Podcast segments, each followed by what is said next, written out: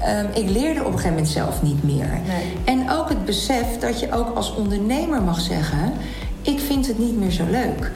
En ehm, daarvan heb ik wel gemerkt dat, dat mensen het heel normaal vinden dat jij zegt, nou, ik werk nu tien jaar bij dit bedrijf. Ik heb eigenlijk elke functie heb ik wel gehad. Ik heb elke afdeling ook wel gezien. Het wordt tijd voor wat anders. Ja, een nieuwe uitdaging. Ik wil een nieuwe uitdaging aangaan. Maar nee, je bent ondernemer. Eh, daar heb je ooit voor gekozen. Dus jij blijft ook gewoon in Ja. dat bedrijf. Terwijl je ook na tien jaar kan denken... Ja, eigenlijk heb ik alles wel gedaan. Ik heb, ik heb het, het, het- nou, het kunstje niet, dat, dat klinkt wat oneerbiedig... maar ik heb gewoon el- elke ervaring heb ik wel een keer gehad. En dan moet je ook kunnen zeggen, het is mooi geweest. Ja, want dan kom je misschien ook op een punt dat je zelf niet meer gevoed wordt. Ja. Dat je meer in de uitvoerende taken, een beetje in de automatische piloot gaat schieten. Nou ja, en ook, ook kunnen zien, wat zijn je kwaliteiten? Van harte welkom bij de Ambitie Maakt Verschil podcast. De podcast voor ondernemende mediators en scheidingsprofessionals. Openhartig, eerlijk en puur. We gaan het hebben over uitdagingen, over tegenslag, groei, maar ook over de kansen. We laten ondernemers en experts in dit vakgebied aan het woord.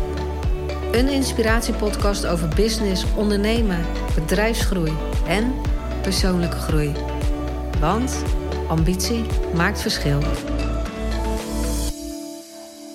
Van harte welkom bij weer een nieuwe aflevering van de podcast Ambitie maakt verschil. En vandaag ga ik in gesprek met Patricia Boer. Nou, Patricia, misschien om maar gelijk met de deur in huis te vallen. Wie is Patricia? Ehm, Patricia is een eh, ondernemer. Ik heb eh 15 jaar een eh, bedrijf gehad in de financiële dienstverlening. Uiteindelijk eh, hadden we daar, toen wij het bedrijf verkochten, eh 70 man personeel. En waren wij eh, marktleidend eh, service provider in hypotheken. En inmiddels eh, werkzaam als eh, zakelijke mediator. Nou, dat is al eh, in een nutshell een heel Ja. verhaal eigenlijk. Dus ik wil daar wel graag een eh, stap in terugzetten. Ik hoor je al zeggen 70 man personeel, een eh, groot kantoor gehad. Als we teruggaan naar de start, wat maakt dat je daarmee begonnen bent? Of hoe is dat zo gekomen? Nou, dat is eigenlijk eh, helemaal lang geleden op een eh, verjaardag... waar eh, een vriendin van mij, Antoinette Kalkman en ik elkaar spraken... en het hadden over onze banen en dachten van... nou, dit is allemaal niks, we hebben ons ingeschreven bij de KVK. Oh, wat leuk, jij ook. We zijn wat projecten samen gaan doen. Op een gegeven moment kregen we een, een groter project... bij een, een verzekeraar die een hypotheektak wilde oprichten. En eigenlijk ehm, ja, is het toen een soort van, zeggen we nu achteraf, een beetje uit de hand gelopen. Eh, we zijn eh, gaan ondernemen. We hebben keuze gemaakt om van... We hadden eerst een freelance pool aan mensen... om uiteindelijk de mensen bij ons in dienst te nemen. Dus de keuze gemaakt om van ondernemer ook werkgever eh, te worden. Ja, maar die natuurlijk wel- stap, hè? Want Ja. je, ja, je gaat natuurlijk best wel nu van ondernemer... dat je samen gaat beginnen inschrijven bij de KVK. Dat maakt je nog niet per definitie een ondernemer. hè? Nee, dan heb je een niet. inschrijving. Dus, dus waar zit dan het kantelpunt dat je zegt... oh, maar nu moeten we echt van, naar werkgever toe? Ehm, nu ga je personeel aan. Ja, nou wij hadden een. eh, wij maakten hypotheekoffertes voor één verzekeraar. Dat was heel succesvol, want wij deden dat echt op de. Eh, wij hadden mensen die vanuit huis werken. Thuiswerken is nu enorm eh, in. En we verbazen ons op dit moment wel over alle CEO's eh, die nu op de radio roepen dat eh, thuiswerken hebben we uitgevonden. Wij denken dan nou. Had ons even gebeld, we doen het al 15 jaar. En we hebben nog steeds, bij het bedrijf werken nu nog steeds medewerkers van het eerste uur. Die nog steeds vanuit huis werken en dat gaat heel goed. Eh, maar goed, wij werden benaderd door andere partijen van wij willen dit ook. Nou, toen was er een wetgeving met de flexwet en zo... dat het heel lastig was om overal freelance groepen neer te zetten. Toen dachten we, ja, dan kunnen we twee dingen doen. Of we zeggen nee en we gaan dit avontuur niet aan. Of we gaan kijken, hoe kunnen we die klantvraag wel invullen... En dat zou betekenen dat wij dus van de dienst die we hadden eigenlijk meer een product maken. Dus het outsourcen van, eh, van processen naar ons bedrijf. En dat hebben we gedaan. En ja, ons ondernemerschap kenmerkt zich eigenlijk door snel te denken, snel schakelen, snel keuzes maken. Eh, we noemen het ook wel eens onze dashboardbeslissingen. Dan hadden we de hele dag hard gewerkt en zeiden we... oh, je moet het ook nog even wat we daar en daar nou mee willen. En dan zaten we in de auto van Nieuwegein, ik naar Woerden zijn naar de beeld. En dan in 20 minuten dan hadden we ja, zo gaan we het doen. En achteraf zijn dat altijd de beste beslissingen geweest. Ook op gevoel afgaan. En eh, durven een beslissing te nemen. Ja, nou, ik hoor je eh, zeggen van eh, we zijn samen begonnen. We kunnen samen ook heel snel denken en schakelen. Ik denk dat dat wel heel essentieel is als je als twee ondernemers samen iets gaat beginnen. Maar dan krijg je op een gegeven moment ook personeel daarbij. Ja. Hoe, hoe gaat dat dan verder? Want je gaat groeien, dus je kunt het ook niet meer samen allemaal op die manier doen zoals je deed. Nee. Ja, en uh, dat klopt. En je wordt uiteindelijk toch wat meer manager. Wij hebben wel gelijk gekozen voor een hele platte organisatie. Mm -hmm. um, wij hadden bijvoorbeeld een, een, nu uiteindelijk dan de kantoorruimte die we hadden, was gewoon één grote werkvloer. Um, waar wel iedereen op leuke afstand kon zitten. Dus over de anderhalve meter, deden we toen ook wel een mee. dat was toen ook wel heel Ja, we zijn niet van de, ja, precies. We zijn niet van de kantoorblokken uh, waar dan schotten tussen zitten. Uh, en kleine ruimtes. Uh, maar wij hebben ook nooit een eigen kantoor gehad. wij zaten gewoon ook op de werkvloer. Ja, eigenlijk gewoon ja, de poten gewoon ook in de klei als management. En elke dag zien wat er gebeurt. Ja. En natuurlijk krijg je op een gegeven moment wel mensen die ook de rol opnemen van manager. Maar dat, dat wilden wij niet als een soort tussenlaag. Weet je, hoe meer lagen je krijgt, hoe meer zit je te vergaderen en hoe minder doe je. Ja. Dus we hebben een hele platte organisatie ingericht. En um, waar we heel bereikbaar waren ook voor de mensen. En dat is eigenlijk altijd zo gebleven. En mensen heel veel uh, zelf. Uh, wij, nemen, wij noemen het eigenlijk. Uh, medewerkerschap is um, mede-ondernemer. En niet dat we verwachten dat zij meedachten per se over de onderneming. Want uiteindelijk lag de beslissing bij ons in de verantwoordelijkheid.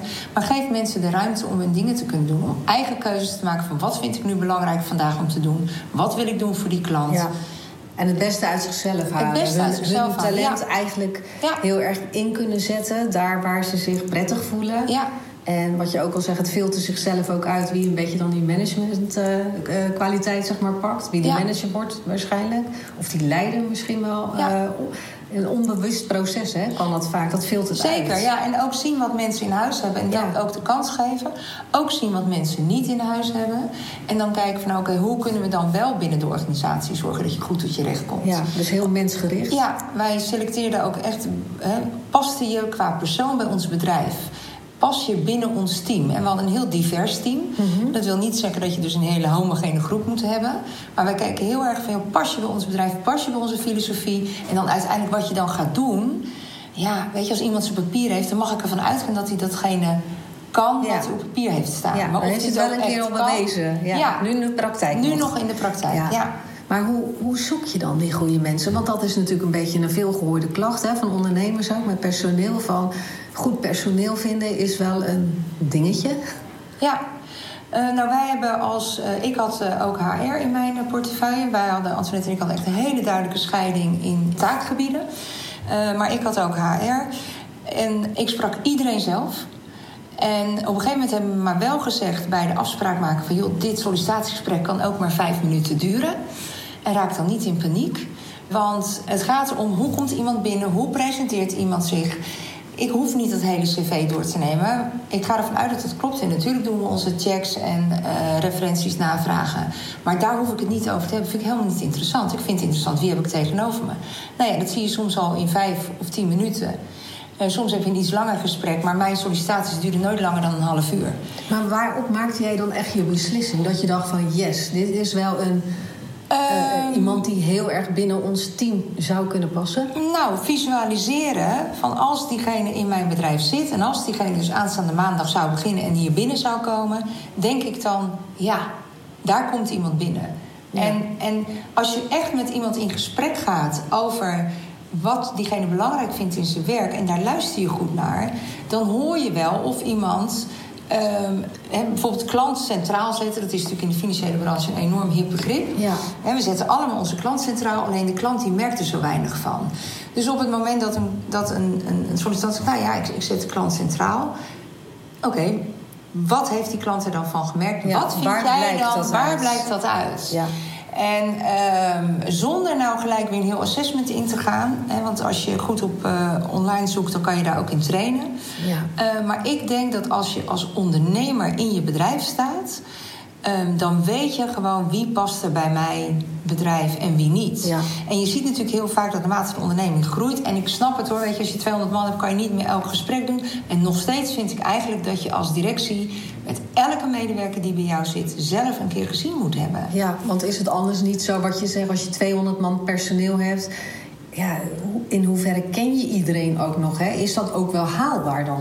Nou ja, weet je, er zijn heel veel mensen die hebben meer vrienden op Facebook dan dat ze in het bedrijf hebben zitten. Ja. En dan denk je, ja, als je wel op Facebook in staat bent om 500 mensen aan je te binden en kennen, ja. ja lukt dat dan niet met die 200 in het bedrijf? Ja. En natuurlijk hoef je niet van iedereen exact te weten uh, hoe ze leven in elkaar zit. Weet je, je bent ook maar een mens. Maar als je interesse toont. En, en, en je, je bedrijf groeit ook niet van dag 1 naar dag uh, eh, 10 naar 200 man. Nee. Dat gebeurt. En daar hebben wij nooit 200 man gehad, wel 70.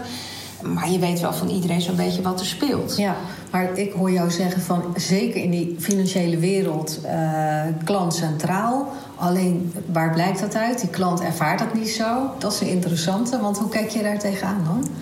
Ja, dan denk ik, uh, doe geen loze beloften. Ik heb liever dat ik uh, bij een bedrijf uh, mijn product moet halen of mijn dienst moet halen. En dan zeg ik, nou mevrouw Boer, het is jammer, wij kunnen u niet centraal zetten. Dit is ons proces en dit is wat u van ons kan verwachten. En kan ik dat vervelend vinden of niet, maar dit is het duidelijk. Dan is het duidelijk. Maar als ik het gevoel heb, oh, ik ben uh, het belangrijkste voor je bedrijf, maar ik merk daar nooit wat van. En mijn vragen worden niet beantwoord, de beloftes worden niet nagekomen, ik word niet teruggebeld ik krijg geen duidelijke informatie. Ja, wat heeft het dan voor zin? Dus daar hamerden wij ook altijd eh, bij de mensen op.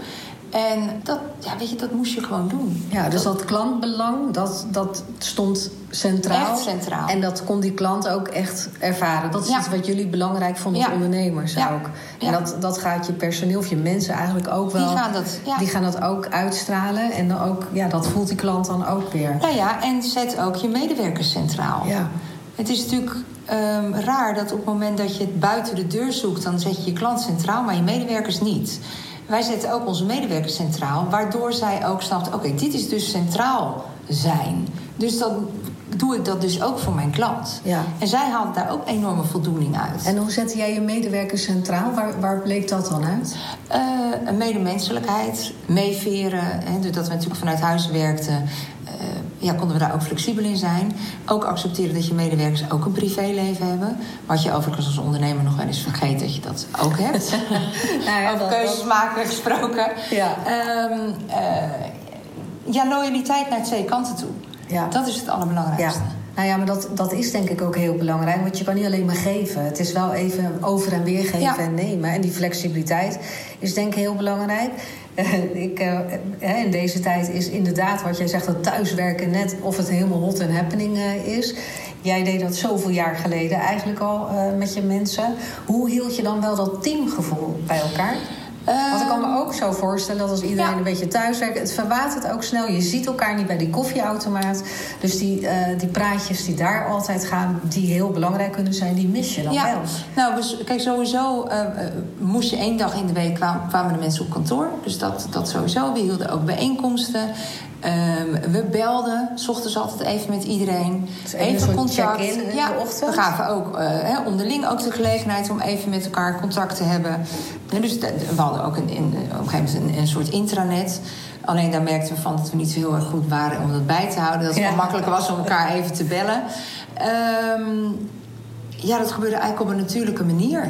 En maar ook zo af en toe even um, een paar koekjes toesturen of een wc-rol. Wat overigens heel bijzonder is, is dat je op kantoor uh, mag je je medewerkers van alles geven. Uh, maar op het moment dat jij besluit om thuis koffie en thee te, uh, te voorzien, dan, dan zegt de Belastingdienst dat dat niet zo handig is. Dus, oh ja? Ja, dus we vinden ook de overheid oh, wil graag dat, dat je thuis werkt. Maar ja. Dan zou in de regelingen zou ook nog wel uh, wat anders kunnen. Hoor. Ik weet niet, misschien is het inmiddels veranderd, maar ik weet toen nog dat wij mochten zowaar 45 cent per dag mochten wij geven als vergoeding voor gas, elektra, koffie, thee, dat soort dingen. En dat jij op kantoor elke dag koeken serveert, dat maakt niet uit. Daar, ja, daar nee, dat, niemand wat van. Goed, uh, dat, dat, dat, is een andere. daar moet nog wat gebeuren. Dat is een ja. andere discussie. Ja, andere discussie. Maar kijk, als, je bent begonnen in die financiële wereld, maar wat sprak jou destijds zo aan aan die wereld? Want je had, eh, weet je, de wereld lag open, je had alle ja. kanten op kunnen gaan. Ja, het klinkt een beetje onaardig misschien om te zeggen, dit overkwam, dit kwam op ons pad. En wat wij daar zo aantrekkelijk vonden, was niet eens zozeer het feit dat het in de financiële dienstverlening was, maar wel dat we zagen: oh, maar hier kunnen we nog wel een verschil maken. Hier kunnen wij echt nog wel iets toevoegen. Maar wat zag je dan? Ehm, nou, bijvoorbeeld geen flexibiliteit. Als je even kijkt, onze mensen werkten allemaal vanuit huis. Dat maakte ons enorm flexibel. Dus dat zorgde ervoor dat een hypotheekadviseur... die zat bijvoorbeeld op vrijdagmiddag met zijn klant... of op zaterdagochtend. Die wist dat de hypotheken van die eh, geldverstrekker... door ons werden geoffreerd. Die wist ook dat er altijd wel iemand aan het werk was. Dus die stuurde gewoon een mailtje. Ja, hoi, ik zit hier met een klant... en ik wil eigenlijk een hypotheekofferte hebben. Kan dat nog even? Nou, er was altijd wel iemand aan het werk. Of ze belden ons van... joh, ik heb morgenochtend zit ik met een klant... ik wil eigenlijk gelijk een hypotheekofferte. Uh, is er iemand beschikbaar die dat voor mij kan doen? En dat deden we dan dus ja, ook. Maar dat is fantastisch, want dan sluit je heel erg aan bij de behoeften van de klant. precies. Die, ja, die wilde ook geen zes weken op gaan zitten wachten. Die wil duidelijkheid Ja. aan. En dan eh, sp- spring je daar heel mooi Ja, op in. dus je helpt in dat geval de particulier die heel graag dat huis wil. Maar ook de hypotheekadviseur. Want op het moment dat hij de offerte direct kan uitdraaien... dan is dat ook 9 van de 10 keer de offerte die de klant accepteert. Ja. En het was ook weer goed voor de geldverstrekker. Want eh, vaak wordt natuurlijk bij hypotheekadviseurs worden meerdere offertes aangevraagd. Ja, de, de offerte die er als eerste ligt, en die is gewoon goed... Ja, weet je, die klant wil dat huis. Dus als die weet dat hij het kan betalen, Ja, dat is graag. fantastisch Hè, dus wat, wat met name is, is inspelen op wat wil jouw klant. En niet zeggen, sorry, dat kan niet in ons proces. Of nog erger, dat kan ons systeem niet aan. Oh ja, computer Ja. says no. Precies, nou, dat, dat was Maar, dat, dat no-go was area. eigenlijk iets wat jij signaleerde in, in die branche of Ja. in die, die specifieke wereld. Dat je dacht, hé, hey, daar kunnen wij ja, het verschil daar gaan kunnen wij maken. een verschil maken, ja. En als je dan, dan samen begint en je groeit uit naar eh 70 man personeel, dan, dan vind ik dat best ambitieus. En om dan maar gelijk de vraag te stellen: wat heb jij dan met ambitie? Wat heb ik met ambitie? Nou, ik kan niet zeggen eh, van, oh, ik wil... Ik ben niet van, oh, over vijf jaar wil ik X bereikt hebben. Eh, ik ben heel erg van, nou, wat komt er op mijn pad? Eh, wat vind ik leuk? Waar word ik enthousiast van? Waar heb ik zin in om te doen? Eh, en mijn ambitie is om dingen te doen waar ik zelf ook energie van krijg. Nou, ik moet heel eerlijk zeggen, dat is in de afgelopen jaren ook niet altijd gelukt. Want er zijn momenten geweest dat het echt wel heel veel energie heeft gekost. We hebben nu natuurlijk een crisis, maar wij hebben natuurlijk ook de bankencrisis eh, meegemaakt. Waar we echt eh, op het randje van de afgrond hebben gebalanceerd met het bedrijf. Maar toch die ambitie houden om het toch anders te doen. Om te laten zien dat het wel werkt. En bijvoorbeeld dat thuiswerken, toen wij daarmee begonnen, nou, dat was wel een dingetje.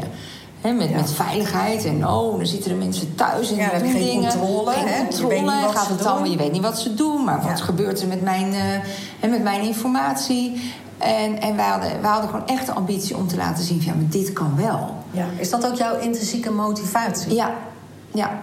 Ik vind het heel belangrijk om te laten zien wat kan er wel. De, de uitdrukking eh, bij mij, oh, dus jouw glas is altijd half vol. Nee, mijn glas is ook echt wel eens een keertje leeg.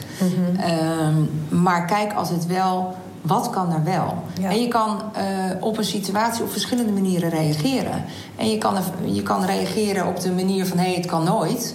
Maar je kan ook denken, nou oké, wie weet kan het wel. En hoe ga ik dat dan voor elkaar krijgen? Ja, en wat is het erge wat je kan overkomen? Is dat je een keer mislukt? Ja, nou ja. Ja. Want in onze vorige podcast hebben we het ook gehad over eh, op het moment dat je tegenslag krijgt of tegenwind, dat je dan gaat kijken, oké, dit is nu de situatie. En dat je dan de vragen stellen, hoe dan wel? Hè? Ja. Dat, dat is denk ik wel iets wat Ja. ondernemers ook wel kenmerkt. Maar hoor je net ook zeggen, we hebben wel met het bedrijf ook aan het randje gestaan. Ja. Want het klinkt nu natuurlijk heel erg als een succesverhaal Nee, met een stijgende lijn naar boven. Dus ik ben ook even heel nieuwsgierig naar die andere kant van die medaille. Nee, we hebben echt, eh, nou, ik kan wel zeggen dat we gewoon op apengapen hebben gelegen. En, ehm, en, en dat wij ook gewoon binnen één dag, gewoon, nou, van de tien klanten waren er, eh, nou ja, acht stopten met hypotheekactiviteiten, omdat er gewoon geen geld meer was. Ja. Want wat, wat Ja. maakte dat die situatie ineens zo eh, nijpend is geworden? Of was? Nou ja, dat was toen dat de Lehman Brothers in Amerika natuurlijk de eerste banken omvielen door foutieve leningen. En ehm, ja, in één keer was er geen geld meer om hypotheken te verstrekken. Dus daar gingen onze klanten. Toen hadden we geloof ik nog één of twee klanten hadden we over. Nou, daar gingen we het niet helemaal mee redden. Dus we hebben helaas ook afscheid moeten nemen van een aantal mensen. Ehm, dat was echt afschuwelijk. Ja, Eh, dat dat je denkt, ik, eh, dat was, en dat was ook nog rond de kerstperiode. eh, dat je rond gaat rijden met enveloppen. En dat is geen bonus, maar dat is een ontslagbrief. Maar daar ben ik uh, nou, in de auto gestapt en iedereen persoonlijk toegereden om de boodschap te brengen. Het mooie daarvan is wel dat uiteindelijk toen het weer beter ging, hebben we weer mensen aangenomen. En inmiddels zitten er mensen weer bij het bedrijf die alweer, die we toen hebben moeten ontslaan en die nu weer bij het bedrijf werken. En dat is natuurlijk wel. Ja, dat is wel fantastisch. Ja, ja. Want uh, ook, dat, ook dat heb ik in de, de vorige podcast-aflevering uh, erover. Dat wij als ondernemer ook echt best wel aan de rand hebben gestaan. Dat we dachten van nou, het is uh, pompen of verzuipen. En de fout die wij toen hebben gemaakt is door onszelf geen salaris meer uit te betalen of geld en ons personeel wel. En achteraf is dat gewoon een hele onhandige move van ons geweest omdat jij de ondernemer bent. Dus je moet wel goed voor jezelf zorgen. Terwijl je hart zegt van eerst je personeel en dan pas ik. Ja, nou herkenbaar. Uh, dat hebben we ook gedaan. Ja en, en, en, dat is wel iets wat natuurlijk hele goede motivatie is. Maar wat wel ondernemerstechnisch wel ons bijna de nek om heeft gedraaid. Nou, dat is ook als je dan nu kijkt, wat zou ik nu anders doen? Ja. Dan zou ik dat dus nooit meer doen. Hoe zou je dat nu doen? Nou, ik zou zo... Als ondernemer moet je gewoon goed voor jezelf zorgen. En ook niet angstig zijn om te laten zien dat je goed voor jezelf zorgt. Het is natuurlijk heel nobel om te denken dat je er altijd als eerste moet zijn. En je moet altijd als laatste weg. Nou Alleen het grote verschil tussen een medewerker en, een en de ondernemer. En nou zeg ik het heel erg zwart-wit, want ook een medewerker neemt wel zijn werk mee naar huis. Maar voor de ondernemer gaat het altijd door. Je bent niet ondernemer tussen 8 en 5. Je bent 24-7 ben je met de zaak bezig. Ja. Vakanties ben je ermee bezig. Je bent er altijd mee bezig. En daar mag ook best wel een beloning tegenover staan. Ja. Daar moet zelfs een beloning tegenover staan. En dat kan zijn in een salaris, maar dat kan ook zijn in wat meer vrije tijd. Want mind you, we houden wel even 70 of hoeveel mensen je ook in dienst hebt. Dat hou je wel aan het werk. Ja. dus die verantwoordelijkheid die heb je. Ja. Maar hoe ben jij dan in die tijd dat je echt zegt van... ja, we lagen bijna op apengapen. Hoe heb jij jezelf dan overeind gehouden? Want ik bedoel, ineens uh, krijg je heel veel tegenwind. Je bedrijf staat op... Uh, ja, ja, nou, achteraf, wel? nou, achteraf gezien gewoon uh, blind doorgaan. Gewoon ja. maar blijven, blijven gaan. En met elkaar gekeken van oké, wat kunnen we nog wel? Dus we hebben ons businessmodel omgegooid. Waar we voorheen veel meer gericht waren op de opdrachtgever, de geldverstrekker... zijn we veel meer naar de hypotheekadviseur gegaan... om daar ondersteunende diensten aan te bieden. Ja, en zelf uh, doorgaan. En accepteren dat er op dat moment was er echt geen balans. En want dat is ook de vraag die je bijzonder genoeg als vrouwelijke ondernemer uh, bij een bijeenkomst altijd wel krijgt: van hoe hou je nou de, werk tussen, of de balans tussen werk en privé? Ja. En toen dacht ik, ja, stel dat ook aan de man die naast uh, hier ook staat. Wat, maakt... Ik, ik, ik, ken die vraag natuurlijk ook als geen ander. Ik vind hem ook altijd heel erg bijster interessant. Maar ik krijg ook altijd een beetje jeuk van het woord balans. Want dan ja. denk ik, ja, wat is balans? Er is geen balans. Er is geen balans, maar er is ook geen disbalans. Uh, het is gewoon je leven en dat is in alles geïntegreerd. Maar hoe hou je wel dat persoonlijke vlak dan ook vast? Hè? Want kijk, als je continu met dat werk bezig bent dan is er misschien weinig aandacht en ruimte uh, op het moment dat je in privé bent. Althans, ik herken dat wel. Ja. Nou, um, toen had ik geen idee. Het, uh, ging altijd maar door en uh, altijd met het werk bezig. Nu achteraf denk ik, nou, daar heb ik mezelf wel tekort gedaan. En daar heb ik ook wel het gezin, ook, hè, de kinderen ook tekort gedaan. Ja. jij hebt hoeveel kinderen? Twee, mm -hmm. die ook helemaal zijn opgegroeid met het bedrijf. En we hebben daar nog wel eens gesprekken over. En uh, wat zij zeiden, ja mam, weet je dat je er niet altijd was op school. Ja, uh, niet met schoolreisje mee of uh, voorleesmoeder, dat soort dingen. ja. Maar de belangrijke momenten was ik er wel. Ja. En dat kan je natuurlijk als ondernemer ook weer heel snel goed doen. Hè. Ze zeiden, joh, we hebben om 11 uur s ochtends een toneelvoorstelling. Dan ging ik gewoon. Want ik hoefde aan niemand verantwoording af te leggen. Overigens, als onze medewerkers zeiden... joh, mijn zoon of dochter heeft om 11 uur een toneelvoorstelling... zeiden ook, ga. Ja. Want dat komt, komt niet meer terug. Maar ik denk dat dat heel veel van waarde is. Hè? Ja, Als je dat is meer van waarde dan, dan een bonus. Dan loop je ook heel ja. met alle plezier een stapje harder daar waar het nodig ja, is. absoluut. Maar wat, wat ze wel teruggeven, zeiden ja, wat we wel vervelend vonden... dus als we op vakantie waren, dat het dan nog over het werk ging. Ja, dat kan ik nu niet meer terugdraaien. Dat heb ik toen zo gedaan. Alleen ik zou ondernemers als ik dat nu doe, in het ondernemerschap wat ik nu doe, in het zakelijk mediaten, maak ik echt heel duidelijk keuzes. Oké, dit zijn de momenten dat ik werk. En dit zijn de momenten dat ik niet werk. Oké, maar als je daar dus naar kijkt, hè, dit zijn de momenten dat je werkt, dan, dan ga je volle bak in, die, in dat werk. Maar dan heb je ook dat stuk, dit zijn de momenten dat ik niet werk. Hoe sluit je dat dan af? Of neem je dat dan niet meer mee? Hoe, hoe, uh, waar zit dan het verschil nou, met hoe jij vroeger werkte en hoe je dan nu zeg maar uh, werkt? Nou, naar mijn klant bijvoorbeeld beter de verwachting managen. Het is natuurlijk uh, heel nobel om tegen je klant te zeggen: joh, ik ben altijd voor je bereikbaar. Echt, ja. anytime kan je mij bellen. Ja. Die, A, die, dat, die klant doet dat niet. Die gaat je niet anytime bellen. Maar jij blijft wel anytime beschikbaar. Ja, je dus je bent er continu aan. mee bezig. Je bent continu aan. Ja. En op het moment dat ik tegen mijn klant zeg... joh, wij hebben vandaag een afspraak. Ik ben woensdag en donderdag ben ik niet bereikbaar. Uh, vrijdag wel. Is er echt bloedspoed, dan kan je me een mailtje sturen. En als ik in de gelegenheid ben, dan reageer ik. Maar ben ik niet in de gelegenheid, dan is dat weer vrijdag. Ja. Die klant gaat mij dus helemaal niet woensdag en donderdag bellen. Want die weet dat ik er vrijdag ben. Ja. Maar dan bel ik ook. Ja, dus en dat, dan dat kom ik ook een afspraak zegt na. van het is het managen van de verwachtingen van de, van de klant. Ja. Dus op het moment dat je zegt, joh, ik ben er anytime, I don't care wanneer jij mij belt. Ja, dan geef je ook de vrijheid dat iemand om tien uur denkt, oh, ik heb ineens een hele interessante vraag. Ja. Uh, terwijl als je dat managt, dan is het voor mensen duidelijk. Is er ook gelijk een kader en dat geeft natuurlijk ook Ja. heel veel. Uh, Nou ja, en aan de andere kant ook op het moment dat je zegt... ik ben er altijd... dan gebeurt er in je hoofd van... oké, ik heb dat gezegd, dus dan moet ik dat ook doen. Ja. Ongeacht of de klant daar gebruik van maakt of Ja. niet. Maar je Ja. staat wel aan. En anderzijds is het ook, op het moment dat je als ondernemer zegt: Ik ben er altijd. en je, neemt, je zit in een gesprek en je kan twee uur lang bijvoorbeeld niet reageren. Hoe, eh, dan kan die klant dan denken: Hoezo ben jij er altijd? Hè? Ja. Dus dan heb je gelijk alweer het negatieve effect ja, daarvan. precies. Dus dat is ook wel heel Ja, interessant. en voor jezelf.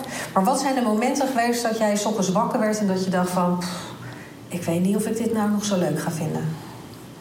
Eh, wanneer was Ja, sowieso qua leeftijd was het eh, rond mijn veertigste... dat ik de eerste keer dacht van... Ja. oh, dit... eh, Wat gebeurt er dan? Ja, wat is, ja dat weet ik. Ik de weet ook niet wat 40. gebeurde, maar ik weet nog dat ik dacht: waarvoor vind ik dit belangrijk? Ik denk ook wel op een gegeven moment dat, dat, dat ik merkte van ja, wat we, wat we doen, daar zijn we heel goed in. En ik ben zelf als ondernemer, ik hou enorm van bouwen.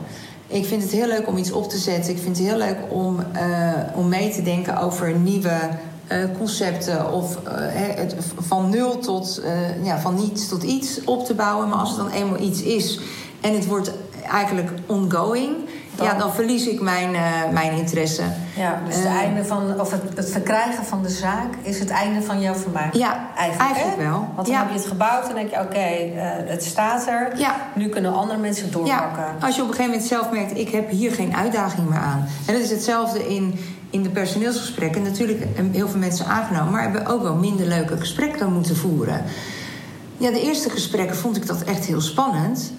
Op het laatst, ja, ik lag daar niet meer wakker van. Ja. Eh, want ja, ik wist hoe ik dat moest aanpakken, ook met de waardigheid van de mensen. Dus voor de mensen was het nog steeds wel een eerste keer een slecht nieuwsgesprek.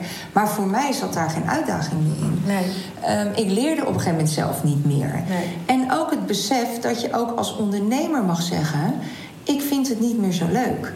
En ehm, daarvan heb ik wel gemerkt dat, dat mensen het heel normaal vinden.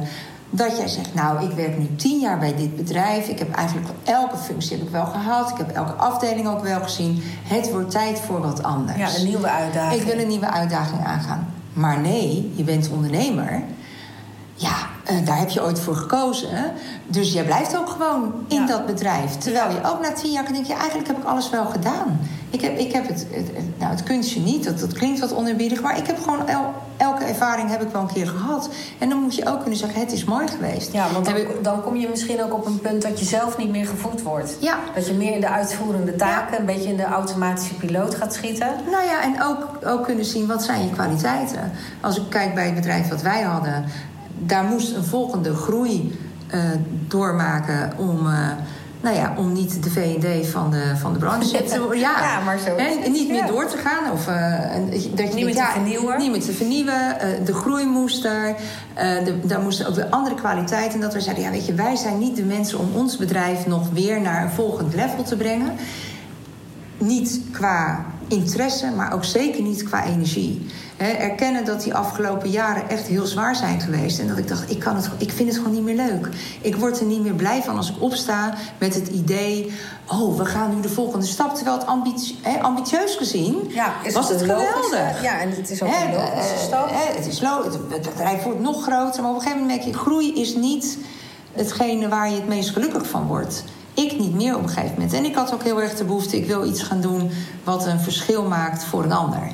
Ja. En, ehm, en, en waar die behoefte vandaan kwam, ik weet het niet. Maar Misschien is een ontwikkeling in dat mijzelf. al. Ja. Deed eigenlijk al dat verschil maken door, eh, door snel te reageren, de klant Ja. snel antwoord te geven, jouw medewerkers centraal te zetten. Jij maakte al het verschil voor heel veel mensen Ja. eh, die bij jou werkten of die klant waren.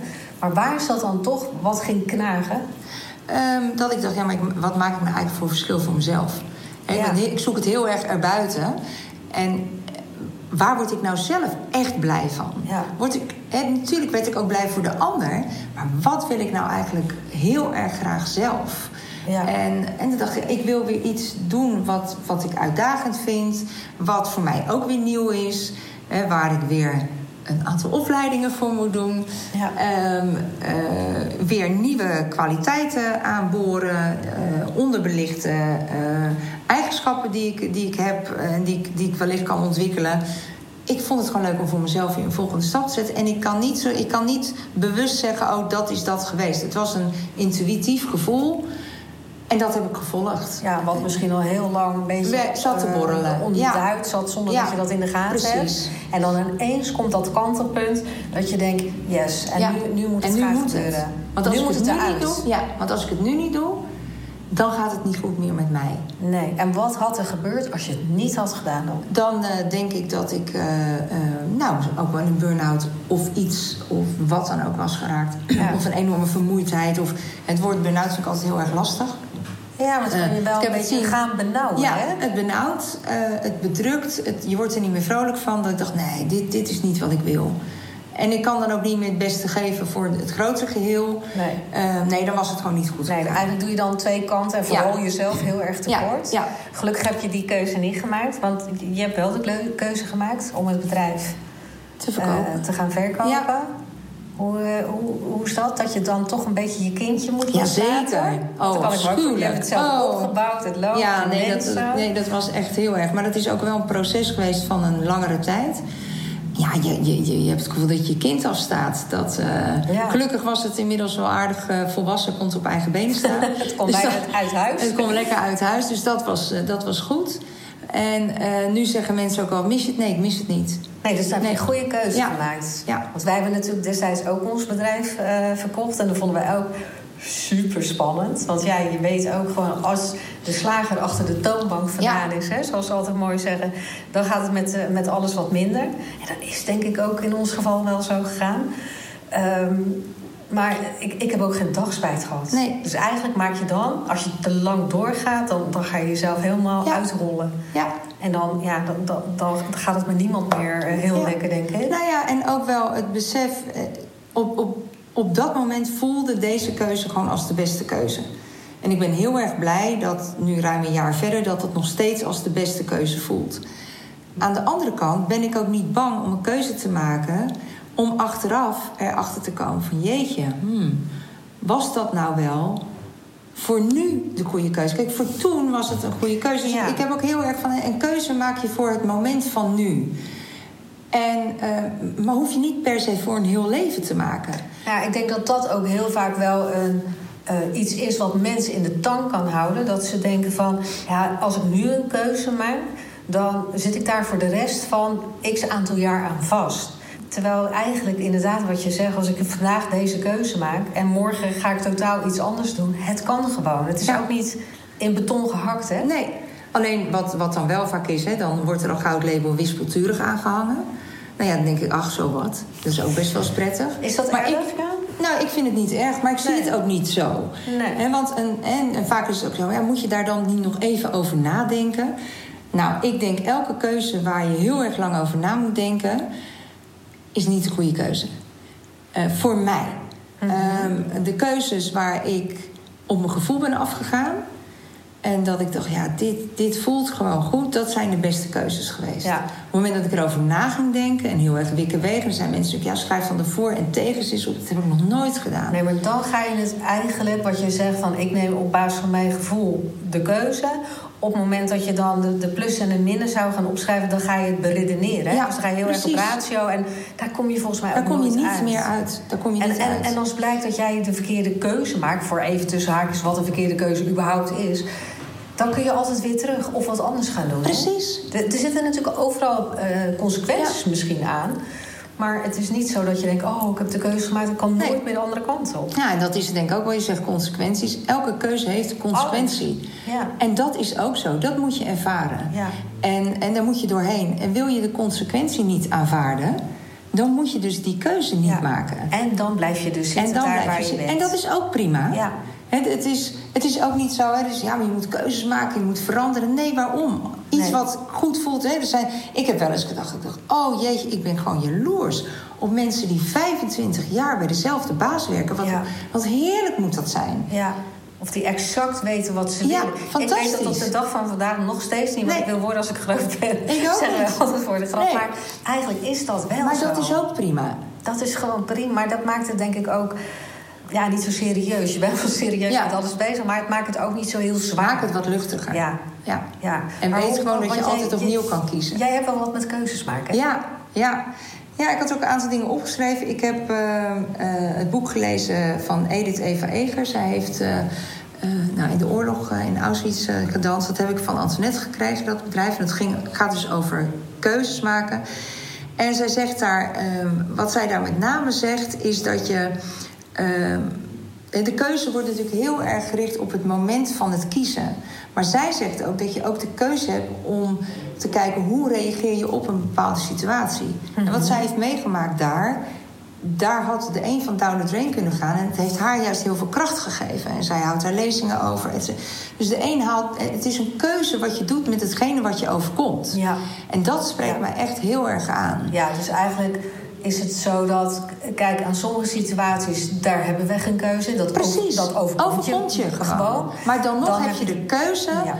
hoe ga ik om met hetgeen wat mij overkomt. Ja. En ik weet niet of je van de week eh, was eh, het mooiste meisje van de klas. eh, waarin dus het mooiste meisje was die dus... Nou, was in het hospice werd het opgenomen. Haar man is een, een jaar daarvoor ook overleden. Ze laten twee kinderen achter.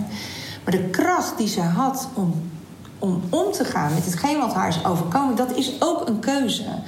En natuurlijk zit daar ook dat je dat moet kunnen... en dat je de, dat je de persoonlijkheid moet hebben. Dat is een mix van, van alles wat daarbij komt kijken. Maar daar kun je wel aan werken. Maar daar kan je wel aan werken. Ja, dat is wel En daar kan je ook met mensen over gaan praten. Of eh, zoek daar ook nou, hulp bij. En dan moet je echt niet gelijk naar een psycholoog.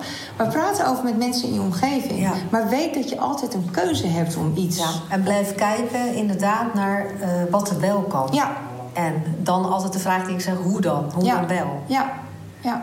Maar wat, eh, want, eh, want je bent, eh, het bedrijf heb je dus, je hebt je kind uitgezwaaid. En wat, wat voor stap heb je daarna gezet? Nou, daarna... Want dat ondernemersbloed blijft Ja, natuurlijk dat toch wel blijft, dat, dat blijft gaan. Ehm, nou, ik merkte gaandeweg al dat ik het, dat mediaten heel erg... nou, gewoon een interessant vakgebied vond. Ik heb bij, nou, bij jullie de opleidingen gedaan. En eh, daar enorm enthousiast eh, van geworden. Ook gezien dat ik daarin kwaliteit heb. Dat ik denk, nou, die kan ik daar heel goed inzetten. Ik vind het ook heel leuk om dat te combineren met het ondernemerschap. Dus ik richt mij echt op de zakelijke eh, markt. bij het aangaan van een samenwerking, maar ook in een conflict situatie. Ik doe ook scheidingen op het moment dat daar een onderneming bij betrokken is. En wat ik daar mooi aan vind, is dat je op dat moment een heel verschil maakt samen met de mensen die je aan tafel hebt voor de rest van hun leven. Maar in ieder geval wel voor dit moment. Ja, je, je helpt ze om op dit moment zaken met elkaar te regelen, om op dit moment met elkaar bepaalde keuzes te maken. Ja. En ook te kijken, oké, hoe werkt dat dan uit? Alleen je kan niet alles voorzien. Nee. En je kan niet voor de komende tien jaar overzetten het op papier en dat blijft het dan voor de komende tien jaar. Want Ja. in je leven komen weer andere dingen voorbij. Ja. En Ehm, wat, wat spreekt jou zo aan aan dat vak van bemiddelen? Of mediation, bemiddelen? Ehm, wat mij daaraan aanspreekt is dat je soms ziet dat mensen vastzitten in hun eigen patroon. En in hun eigen keuzes die ze al voor zichzelf hebben gemaakt.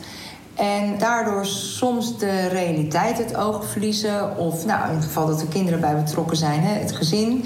En ik vind het heel mooi om daar samen met hun te kijken, nou wat kan er dan nog wel? Als je ziet wat er dus nu allemaal dus niet meer kan. Ja. Hè, het, het, het samen zijn, dat kan niet meer. Samenwerken, dat kan niet meer. Maar er moet iets zijn wat nog wel kan. En Ja. ga daar dan samen naar kijken. Ja, en daar komt jouw talent weer Ja. echt heel erg uit de verf. Door wat je eigenlijk aan het begin van onze podcast al zei... Van, dat we continu aan het kijken waren van hoe sluiten we beter aan... wat kan er wel, waar liggen de kansen, Ja. de mogelijkheden... En eigenlijk doe je dat nu ook weer. Ja. Omdat, wat jij dan terecht zegt... eh, vaak zien mensen die in een situatie eh, zitten... bepaald, ja, die zien hun stuk... Ja. Maar op het moment dat iemand van buitenaf mee gaat denken of kijken, eh, dan ja, is er misschien heel Ja. veel meer mogelijk. En dat Ja. is wat, waar jouw en dat is wat mij triggert. Ja, Ja. dat vind ik leuk. En welke, want dan gaan we afronden, hè, wordt het weer zo'n hele lange podcast. Maar wat, wat voor tip of advies zou jij nu ondernemers die misschien net beginnen of al langer onderweg zijn, wat zou jij nu mee willen geven? Wat is jouw grootste inzicht geweest? Mijn grootste inzicht nu achteraf is kies ook een keer voor jezelf. Ja, Durf ook een keer te zeggen, joh, ik ben er even niet. Of ik wil dit doen omdat het voor mij niet goed is. Of voor mij juist wel goed is. Ehm, dus voor jezelf, maar in elke ondernemerssituatie durf te kiezen. Wees gewoon niet bang om te kiezen om bijvoorbeeld een klant te verliezen. Ja, Eh, wees niet bang om de keuze te maken om een andere richting op te gaan. Probeer het gewoon eens een keertje uit. En pak die kans op het moment dat die voorbij komt. Want als die voorbij is, dan, dan heb je hem alweer gemist. Ja. En dat is ook kies voor, ja, kies voor wat is. ja, Dat is het ja. eigenlijk. En durf gewoon te gaan. Durf te gaan, ja. Ja. Oké, nou dat vind ik een mooie om mee af te gaan ronden. Dankjewel Patricia voor, ja, voor jouw openheid en voor jouw eh, delen van jouw verhaal. En ik sluit eh, heel graag af met eh, durf te kiezen en pak de kansen als ze voorbij komen. Dank je wel.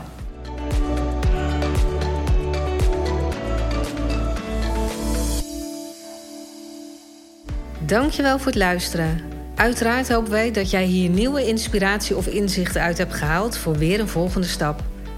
Als je met plezier hebt geluisterd en je bent nog niet geabonneerd op onze podcast, abonneer je dan via je favoriete podcast-app.